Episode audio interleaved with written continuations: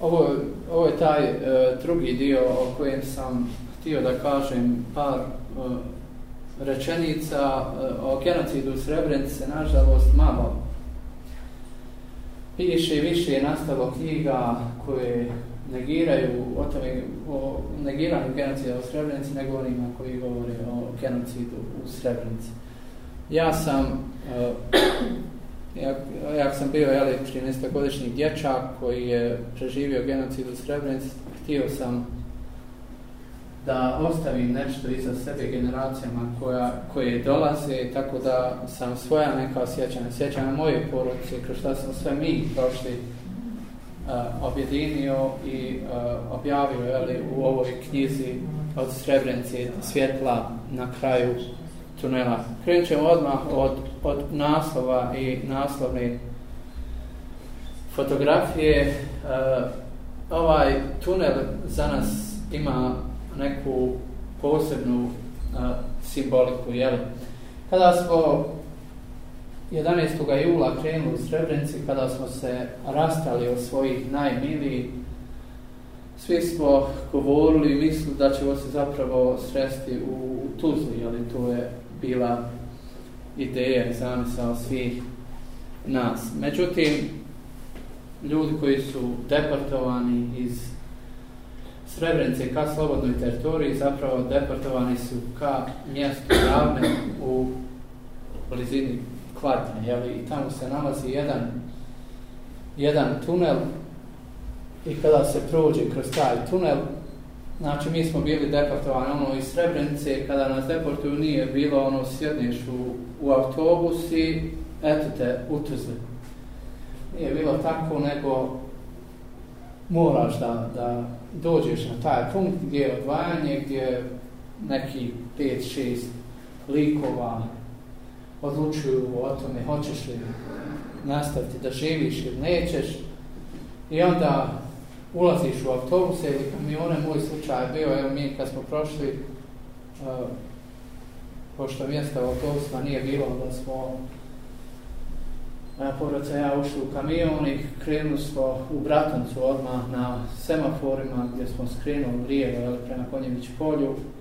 Smo doživjeli razne vrste provokacija srpskog stanovništva koje je uh, vikalo, Kamen kamenova, svašta nešto su jeli, ali hajde, naj, prošli smo, nisu nas zaustavili. Međutim, čim smo izašli iz Bratnica, zaustavili su nas u mjestu Repovac, a tu u blizini je kuća jednog od ratnih zlo, zločinaca Nikolića koji je osuđen za genocid u Srebrenici. Zaustavili su nas tu, pošto kamion nije imao ceradu, onda su nas počeli kamenovati, na, mi smo stajali na putu, iznad je velika pozida, na toj pozidi bili su srpske žene i djeca, to bi kivao su nam svašta, vidite u Balije, vidite u Tuzlu, stićemo vas i u Tuzli, tamo ćemo vas isto pobiti, idite Ali i tako te neke provokacije, kamenjem i svim ostalim tvrdim predmetima, što su imali, gađali su pa koga pogode, ja sam bio na desnoj strani pa sam se malo zaklonio jeli, za tu stranicu na desnoj strani, a drodic je uzeo ruksak i stavio na glavu da me ne udari u glavu na ovo lijevu strani, niko nije a, bio tu, a da nije pogođen. Jel, moju nenu rametli stjenčura velika je pogodila tu uprsa, toliko su jeli, na nas bacali par minuta i to trajalo i onda kamion kreće, dolazimo u Krabicu, u mjesto Sandiće, gdje na onom snimku Ramo doziva sina Nermina. Vidjeli ste to, vjerovatno to bude svakog jula, evo čest se ponavlja. I tu zaustavljaju ponovo autobuse i kamione i onda na naš kamion penju se tri dobro naoružena srpska vojnika. Kako sam napisao ja u knjizi, jel, nikad u životu nisam vidio tako naoružene opremljene vojnike, redenici su bili jel, preko prsa, automatsko naoružanje. Popeo se na kome počeo psovati, vrijeđati na nacionalnom osnovi. To atom i već prolazimo jeli, dugo i onda govori da, da im se da novac, nakit i ostale vrijedne stvari. Žene starije počele vrisati, gledati, nemamo djeco, više od tri godine živimo bez ičeg, nismo imali šta da jedemo, on opsudu, kažu imate, morate dati. Uh, čitka briska je žena i djece, oni prijete i govore nam da će nas na toj zadnjoj tačici deportacije u lukama, da će skidat nas gole, da će, ukoliko kod nekog nešto nađu, sjeći prste u nogu, u ruku, na kraju ubiti tu kod koga nađu. I onda vidite, jel, neke žene, ne znam, skidaju zarušek i prsten, nešto daju, ne, rastaju se sa tim nekim svojim uspomenama, a u tom momentu mi desno gledamo, znači 20 metara od nas, grupa zarobljenika, ta grupa od Antarama zemlje, mislim, sina Nervina. I onda u tom momentu krećemo, kada je kamion krenuo i moja sestra počela da plače, vrišti, galami, a govori, mami, šta je, šta je, šta se dešava, šta joj je? Ona samo govori, mama, ubiće nas, mama, ubiće nas, mama, ubiće nas. Šta je, ne znam šta se dešava, zato što ja a, od 6. jula, kada je krenuo ovaj najžešći napad na Srebrenicu, ja se od tada do 10 to je 11. ujutro nisam vidio sa svojom porodcom, jer smo mi živjeli u tom južnom dijelu enklave, odakle je krenuo taj napad i ujutro smo se rastali, ja sam ostao sa djedom, djed je imao puno stoke, ja sam ostao s njim i mi smo se pomjerali ispred srpskih položaja dan za dan, dok desetog na nas nisu prošli. Mi bili s jedne strane potoka, oni putem već nas prolaze i ovi drinski vukovi zabijaju. Čuo sam ih, vidio svojim, svojim očima. Ja sam pobjegao tog momenta od djeta i dođem u Srebren sam, izgubljen, ne znam, kuću masa ljudi na jednom mjestu i noćim kod neke rodbine kod autobuske stanice u Srebrenci, a moja porodca no, noćila ispred zgrade na, na ulici.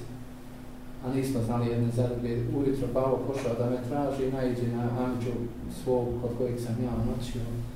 I on rekao da sam ja tu, sam smo se vidjeli jeli, i, i rastali. Oni brat Rahmet su odšli preko šume, a mi, a mi smo jeli, krenuli ka potočarma. I u tom momentu kada smo se rastajali, babo je dao 30 njemačkih maraka mami da nam nešto kupi ako se ako pređemo na slobodnu teritoriju, ako se negdje bude moglo nešto nam kupiti. I ona je, sestra je uzela te para i stavila u patku dole ispod uloška u patci i a, kad su oni toliko nas jel vrijeđali, govorili da damo, kad je kamion krenuo, ona je počela plaće, prepala se, I onda ma, ja pitam ovo šta je mama, kaže ima 30 maraka, ma rekao, mama govori, da izuvi se da bacimo i mama uzma mi pare. I kad god sad prolazim tim putem u sandićima, vidim kako ni 30 maraka da prša, mama je uzela, samo bacila one, one odlaze u onu šumu, silazi dole, ni sandić.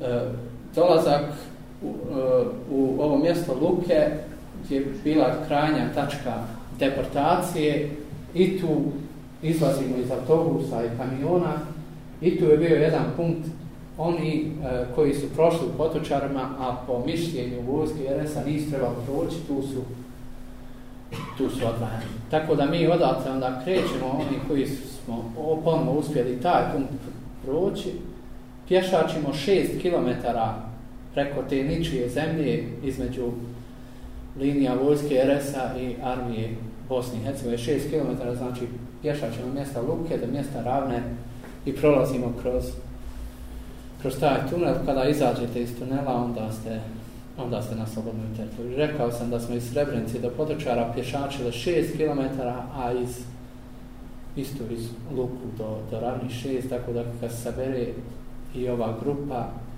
civila imala je neka svoj jel, marš smrti koje je morala proći tih 12 km.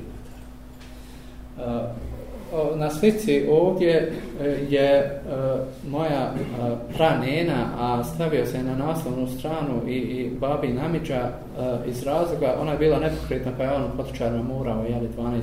jula da je na kolicima vozi da, da bi prošla taj punkt, da bi je smjestio u, u, u autobus. I njenih i mog pradjeda, mog pradjeda i nje, e, eh, 25 potomaka je ubijeno u genocidu u Srebrenicu, odnosno od 1992. do 1995. godine. Znači, samo od to dvoje ljudi, 25 potomaka, ubijeno je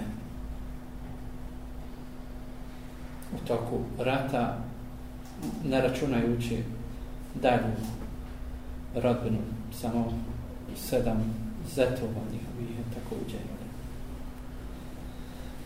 Ubijan. E, uh, drugi razlog zašto govorimo o tunelu je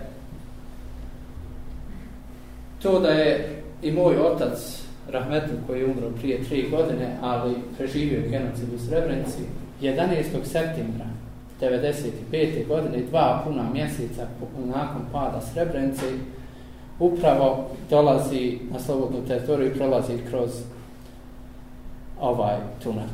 Tako da sam ja uh, htio da ispričam tu neku priču o genocidu Srebrenici kroz primjer moje porodice, ali to nije priča samo moje porodice, moja priča mog oca, to su porodice na hiljade ljudi iz Srebrenice, na stotine porodica koje su preživjela Golgotu Srebrenice od 1992. do 1995. godine. I kada govorimo o, o Srebrenici i Olovu, a kada je moj otac, jel, u pitanju, moj otac je dobro poznavao terene oko Kladnja i Olova. I upravo tad u septembru trebao je da svoju grupu dovede ovdje u obu. Rekao sam, oni su izašli, jel, i došli su u, dole u ravnje, u ovaj tunel, ali zašto je došli su neki vodiči, pojavili se, jel, i sastali su više grupa i prejavili se, ali babo je e, dva dana kasnije u odnosu na dan kada su došli vodiči, trebao ponovo da krene, a pokušavao je dva puta i kod dolazio do vlasnice i vraćao se nazad. Trebao je da dođe u nevačku, jel, znate li gdje nevačku? Ima nešto da tu ovdje, jel, nije daleko od nas. Treba da dođem u Nevačku i negdje tu od Petrovića i Gurdića, negdje u tom dijelu da prođe i da siđe u Olovske luke. A jedna je grupa iz sela Krušer tu došla ovdje u luke, ušla, čak su bili prošli naš, naše položaje u Olovskim lukama i ušli ovamo na, na, na slobodnu teritoriju. Znali su, znali su, slušali su, moj otac živio u kanjon rijeke Drini koji još mnogo grupa a, improvizovali su sve, znate, dva mjeseca živite u šumama bez ičeg, oni su improvizovali to, imali su, jeli, radio na kojem su slušali vijesti i dešavanja znali su da je ovdje jako ratište, da je minirano sve to područje, ali eto, tu su se pokušavali organizovati nekako evo i da dođu na, na ovo područje, ali kao što rekao, eto, baba je iz Nemačke se otišli, ali tamo pa se otišli prema Turalićima, dole u Jezernici prešli na slobodnu teritoriju, ali kao što rekao, bilo je grupa i koje su i ovdje dolazile i pokušavale da dođu, da dođu u ovo.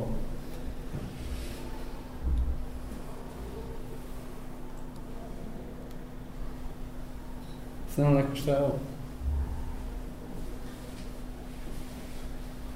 Avion, jel da? Koji je avion? Američki. Dobro, ovo sad zanemario, ovo, na, na, ja, na, na, Znaš koji je tim? Herkules. Herkules. Herkules. A ovo sam htio da vam kažem, onaj, mislio sam da, da, da ćemo malo više pričati vi i ja, da ne pričam samo ja. Uh,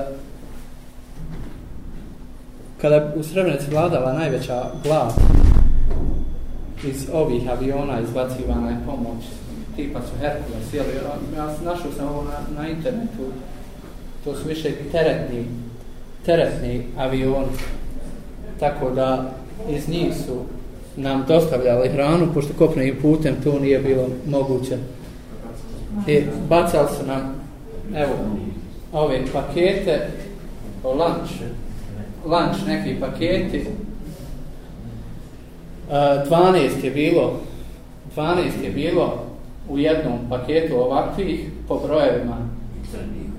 Ja, a o, onaj, sad ko je više imao mogućnost da dođe do tih paketa, različite su sadržaje bili u njima, tako da su djeca posebno radovala se, ali ja sam volio petice i sedmicu, zato što je bilo nešto slatko tamo što sam volio, ja. Bilo je i kikirikija. Evo, tu je ta sadržaj unutra. Nešto malo slatkiša, jedno gotovo jelo. To je to. A, a djeca su stalno. Ja sam živio u tom južnom dijelu i bio sam blizu te osmatranšte Foxa, holandskog batalja Unprofora i stalno sam trčao za holandskim vojnicima i ono standardno je bilo Znate, živite tri godine bez, bez ičeg, prodavnici nema, nema sad kiša, djete ste, djeca, jel, danas, oči i svašta, imaju, imaju, danas djeca imaju svega, a počnemo svoje, a opet, onaj, da im je još nešto drugo, a prvo, jel, nije srebrenci, nismo imali ništa i stalno se strčalo za holandski vojnicva i govorilo Mr. Bombu, to je, ovo je jedan grafit od mnogo koji su nastali u bazi holandskog batem antropora u potočarima, pa jedan umjetnik holandski nacrtao, nacrtao je li to, a ja sam ja sam nekad posebno zim, u zimskom periodu trčaju za transporterom bez nogu ostu, govoriš Mr. Bombo, znate, ono trčite za njima, oni ponekad baci nešto što ostane iza njih, pa čekate da okopni, kad okopni snijeg, onda opet krenete ponovo, zatim jer uvijek ne, nešto ostane, neko stane na nešto, pa onda ne možete da se nađete u tom periodu. Uh, ovo je moja porodca, ovo sam, ovo sam ja. 94. je ta slika nastala. Rekao sam na početku da su ljudi živili u neuslovnim objektima.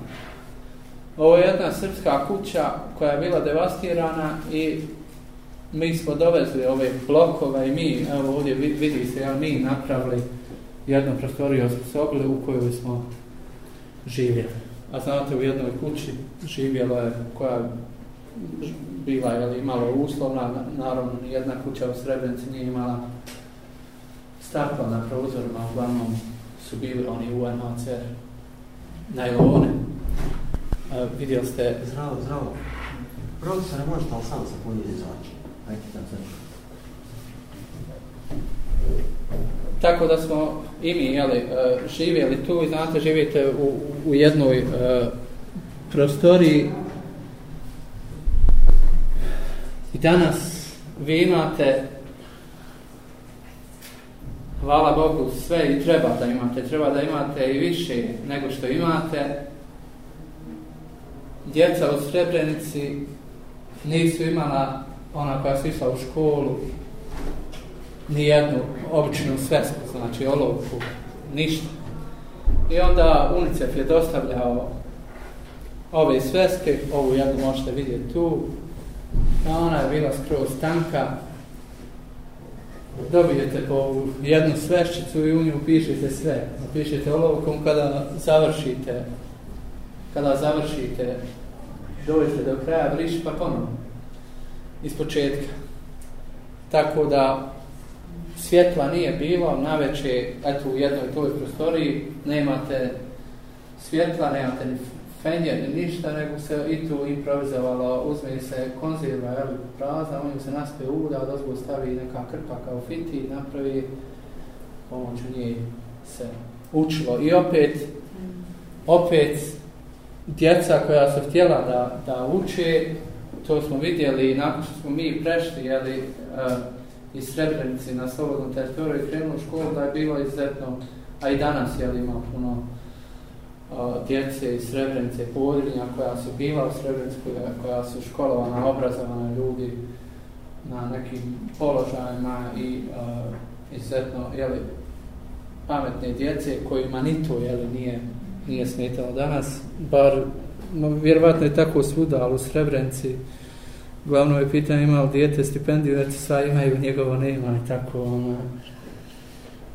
a sve saka ima na, Ovo je izbjegličko naselje e, Slapovići, nekih kada se ide ovim glavnim putem 15 km od Srebrenci, vazdušnom linijom nema, nema toliko, jel? I tu je ovo naselje urađeno 94. godine od strane jedne švedske e, organizacije i tu je bilo smješteno negdje od 3 ili 3,5 hiljade e, stanovnika, kako bi se jel, olakšalo malo stanje u gradu, kako bi se oslobodile škole da bi djeca...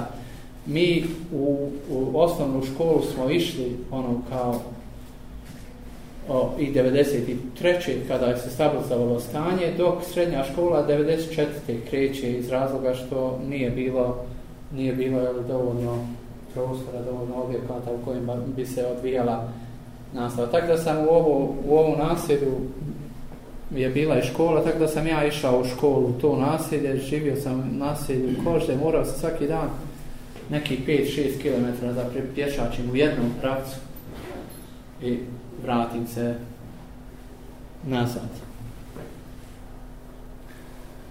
Uh, rekao već da je i to sam na kraju knjige jeli, i, i, imeno i prezmeno napravio uh, od moje pranene i pradjeda 25 njihovih potomaka kada je ubijeno u genocidu u Srebrenici, puno moje rodbine. E, malo prije sam spomenuo i onaj podatak jel, koji nije bio tačan o broju ukupanih žrtava u memorialnom centru.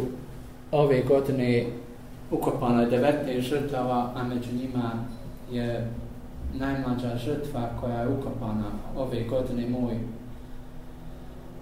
brat Azmir Osmanović koji je imao samo 16 godina govorio sam vam i o tome da je danas izuzetno teško naći kompletan skelet ja sam nakon 26 godina potrage za kostima mog brata naš, pronašao samo lobanju koja i ona nije bila kompletna i odlučio sam da ga ukopam ove godine da bar znam gdje mu je mesa, gdje mogu otići da se pomolim za njegovu dušu, da proučim Fatihu. Reko, imao je 16 godina, odšao s babom preko šume, nakon kod te velike zasjede na kamenčkom brdu su se rastali kao i većina bližih članova porodice. Babo je cijelo vrijeme dok je bio u šumi, dok je ta dva mjeseca bio u šumi, tragao za sa njim, ali ga nije uspio naći i gore je u, u, u luci, u kanjonu Trini i dobio informaciju zapravo da je on i poginuo na tom mjestu gdje je pronađena njegova lobanja, a pronađena je mjesto Poljanci, blizu ovih mjesta Jaglić i Šušnjarovi, dakle je krenula ta kolona, naime sa još četvrcom njegovih školskih drugova izgubljeni u šumi lutao su par dana i onda naletio na Minsko polje, moj brat išao prvi, tu je poginuo, a još dvojica dječaka koja je bila s njim, pokušao su da pobjegnu s tog mjesta, aktivirali još dvije, tri mine i oni su poginuli dok su dvojica uspjeli preživjeti, otići u šepu i gore ta jedan što je bio ranjen je rekao mojom ocu da je on poginuo. Ta je bio ranjen, i došao je na slobodnu teritoriju, a ovaj drugi momak kojem ništa nije bilo, jel, na, u tom minskom polju uspio je, što bi se reklo, neogreban proći. Vratio se sa jednom grupom prema Srebrenici, poginuo u blizini mjesne zajednice Sućeska pod Kakom, a ja sam na tom mjestu bio prije 3-4 dana, u petak. Uh, moj mlađi brat, uh, se zvao Alaga, nosio ime po mom pradjedu. Tri i pol godine posle genocida u Srebrenici je izvršio samoubistvo. A imao je tada 11 i pol godina. Tako da nas trojica smo bili, na kraju smo trojica braće i sestra, ali na kraju od braće sam ostao samo ja. E, uh, posljedice genocida u Srebrenici na sve one, pa bila to i beba, su izuzetno velike. Ja znam po svom ocu, liječio sam ga 10 godina od PTSP-a, ratnom, ratnom sindromu. I to, nažalost, ni ovo društvo niko ne, ne, ne prepoznaje. Posebno za ljude koji se vrati, koji žive u ovom drugom entitetu. Ja nikada nisam nijakog ništa ni tražio i ne tražim i nije mi trebalo, ali ima puno ljudi koji su bolesni, koji boluju od tog zla koji im je nanio genocid u Srebrenici, međutim niko od tim ljudima ne ne odio. Brigu i to je nešto što nije nikako, ali dobro. Puno ljudi, poput mog brata koji su živio genocid u Srebrenici, od tih posljedica je izvršilo samoubistvom i oni su ubijeni genocidom, ali neki, na neki drugi način. Imala puno djece koja čiji rote su, odnosno očevi, uglavnom ubijeni, a nisu ni zapamtali. Moja kolekca Melija, koja je danas sa mnom ovdje, je rođena 1992. godine. Otac joj 95. godine nije prešao na svoju teritoriju, kao trogodišnje djete nije ga mogla, nije ga mogla ni, ni sapamiti. Ali ono što je dobro je na kraju što sam rekao vam sa memorialni centar, na kraju onog prvog dijela, evo i sada hoću da kažem da od dolazka novog direktora u memorialni centar Srebrenica potičari da pored nas koji smo stalno zaposleni da je direktor dao priliku i negdje 20-25 još mladih ljudi koji su iz Srebrenice, nekao vezani za Srebrenicu, za genocid, rade s nama i pokušavaju jeli, da daju svoj nekakav doprinos da se istina o Srebrenici širi i čuje što dalje. Nadam se da ste nešto uspjeli naučiti, ako niste bili u memorialnom centru, da ćete nam doći, ne bih ja više, ja mogu pričati još satima, ali evo, ako imate neko pitanje, nešto vas posebno interesuje, pitajte, ja ću pokušati. Slobodno pitanje. Slobodno, ako vas nešto interesuje, pitajte.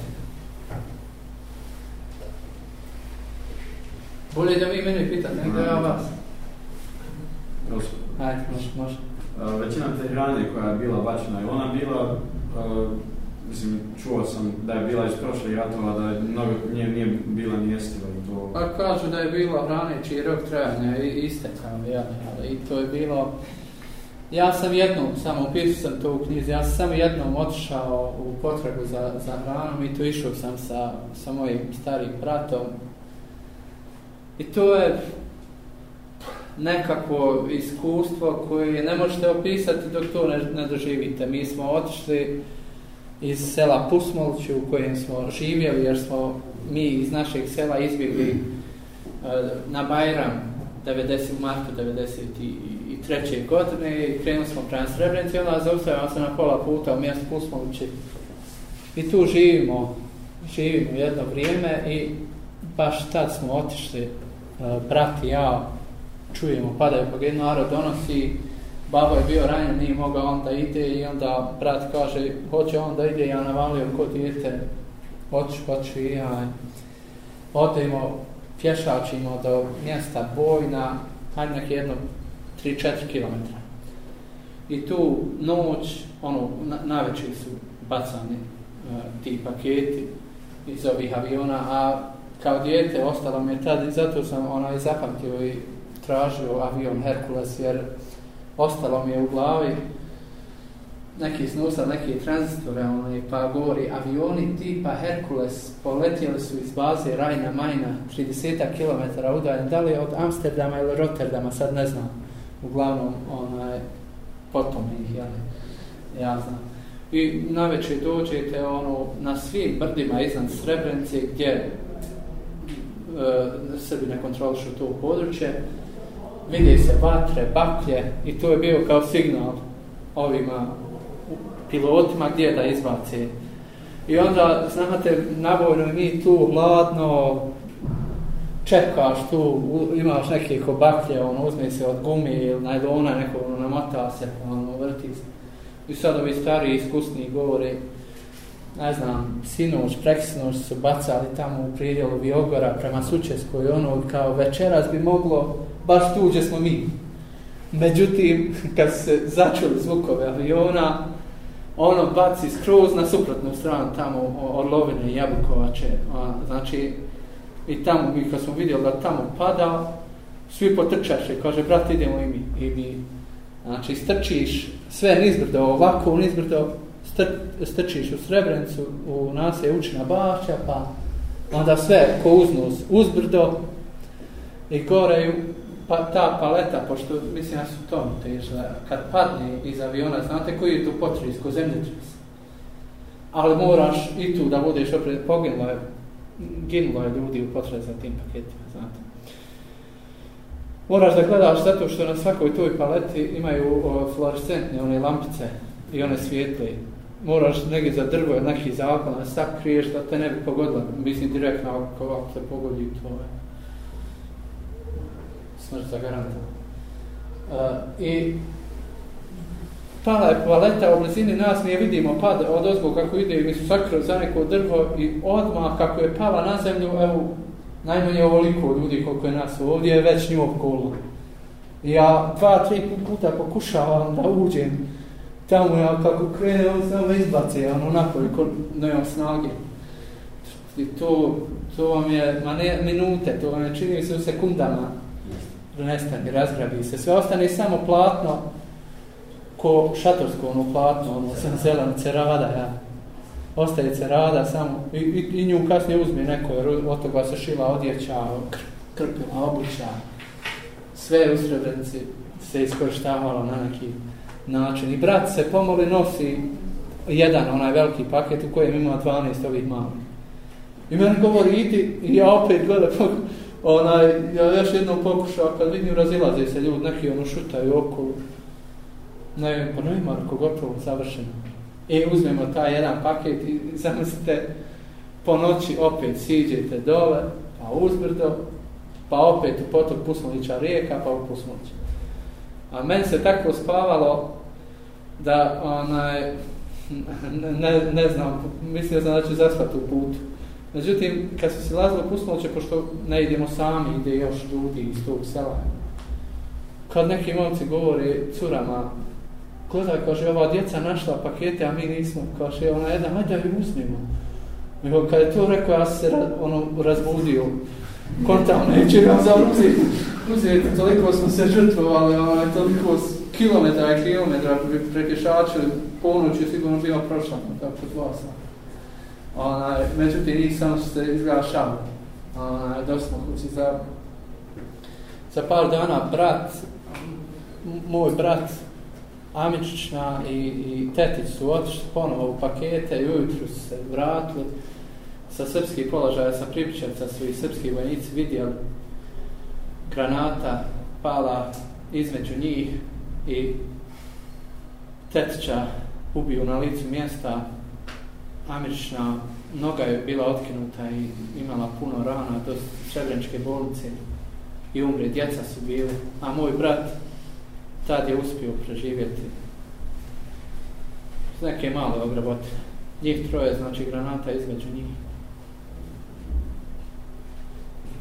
Tako da je i, i to ima razlog, milion razloga, ali zašto sam i to stavio to, ali hajde kontam, rekao, vi ste mladi, pa da vam pokažem eto, i ta jedan prim, primjer kroz tu potrebu za hranom, šta se sve Azre, po svi boj i zemlja, kad se spojio iz polja, jednim dijelom sam malo okusio, želim da se zahvalim što si došao i hvala direktor što je da je spresi da ne znam da li imaš drugi škola na ovakvu. Ovo je jedan projekat koji bi trebao da zaživi, mi smo zovodili stavi, čestitam naravno direktor što je evo ovakvu nas upozno kova, iako se mi to pratili, ali dobro se posjećamo, je kolega Linić je predložio i došao se ovdje kod nas. Ovo je samo jedan dio mali koji su mi okusili, a toga ima da ne bude, da ne bude ovaj, a, eh, da je to sve tu, tu je puno teže, puno, yes. puno, puno žalostnije nego što se može. Ovdje je pojenta svega ovoga da mi to zapamtimo, da budemo svjesni da se nikada, nikada nam ovo ne dogodi. Yes. Ja sam 93. godine izašao sa Zavarsovskim kamionima, jeste, imali smo isto to, ali da vam ispričam kako se to borilo tamo kratko i kako smo mi, ja se sad sjećam ovi pakete kad su bacali, nekako su mi čudni mutni dani bili noći, nismo imali neki posljednih poslova, sve je bilo da dođeš do hrani, do hrani. I znam da su bacali pakete mi kod djeca, hajmo da negdje vidimo je li nešto ostalo, na nekim dijelovima, pa da to može malo kompenzovati snađu sa rijekom, pa da sa hranom. Ja se dobro sjećam. Na jednom brdu, pa nekako potok, on iznad kazana smo našli lijekove. I sad mi kao djeca čuvamo tu tajnu. Mi smo uzeli lijekove, ne znam ništa smo to potipali. To su inekcije ili ne znam šta. Sa ovo je uglavnom bila za I mi smo to potipali i dodijeli smo, kaže ide razmina mijenjaš robu za robu, mu gore dom za Ja se i sam sjećam tog osjećaja dječjega, da sam ja očekivao da mi neko zobri, neko su javčeno, da oni meni dan hrane, a mi njima te lijekove. I mi smo lijekove dali, a čekamo sad hranu. Ja i sad, a znam da mi ne mogu javiti, nema telefona, ne znam adresu, ništa ne uzeli bizu. Ja i sad koliko dijete osjećam da će me neko nazva da kaže ajde dođi po paket ono što smo zamijeli i da mi opet idemo gore da udemo ti vijekova, iako smo njima sve otkrili. Ali to mi djeca kontali da, da je to ostalo, pa ću uvijek protići do Rimu. Naravno, nikad ne bi se dali, ali bi na nestašce i bilo je potrebnije tim bolestnicima koji su tu. Toliko. Hvala, ima li još pitanja? Ja samo da dodam za ove projekte da su tri narod na sprečkom polje dole, koji su bili slova na teritoriju Apatica, ali moram otačiti tu smo u trećoj toj gazi pomoli.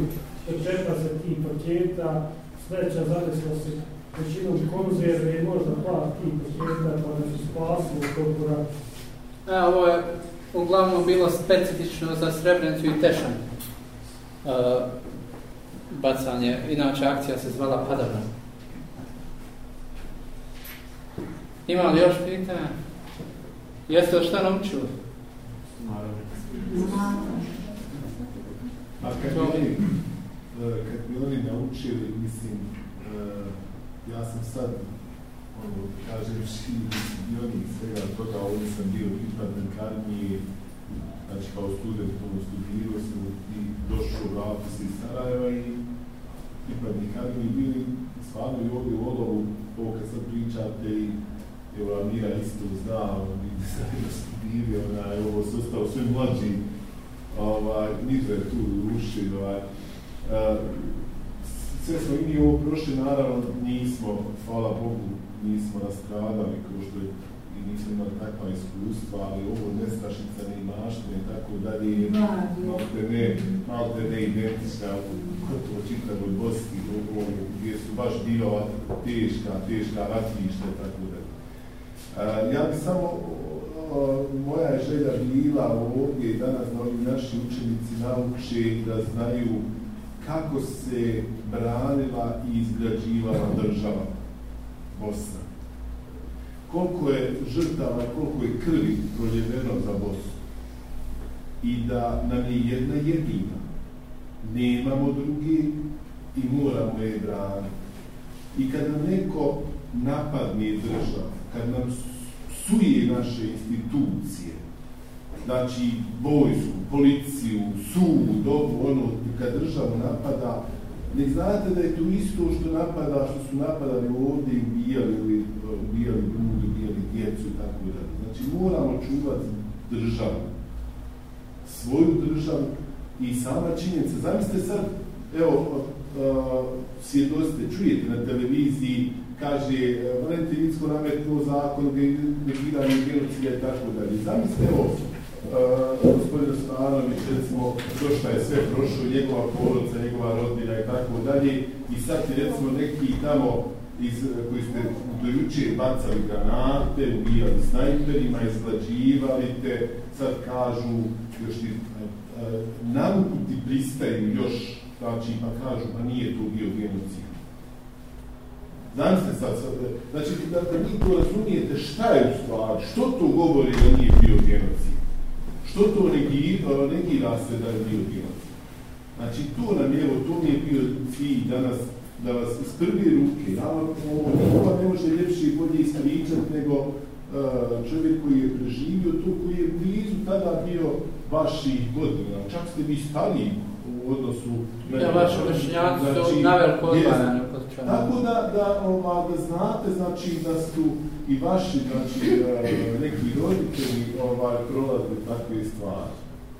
I da jednostavno cijenite i volite državu Bosnu i Hercegovinu, jer, a, e, znači, ako budemo imali državu, ako imamo državu, onda nam se ovo neće ponoviti. Ukoliko ne budemo imati, opet će nam se desiti. I ponovo će možda vi i vaša djeca se radovati nekakvoj čokoladi, bombonu, nekakvom kad, onaj, znaš, danas vi nam djevočka kaže, znaš, ćete uzeti, ne znam, Milku ili ćete uzeti, ne znam, nija neku tamo, onaj, tablerone i tako dalje, znaš, a ovdje su bila je bombona, znači pure. Cijente ono što imate, cijente svoje roditelje. Rekli smo, znači, evo, govorili smo cijelo vrijeme, o tome da se u Srebrenici jeli, ništa nije imalo, ali činim se, ja uvijek kažem da su, ne znam, ma ljudi bili zadovoljni onaj, onim s onim malom što ima. Danas se ima puno toga, više je Boga nešto se nezadovoljno sve. I iz drugog razloga što treba da cijenite roditelje je ovo što ima ako hoćete djece koja ne znaju šta znači ona ima kroz. Tako da i to, znači, slušajte svoje roditelje sa ponosom.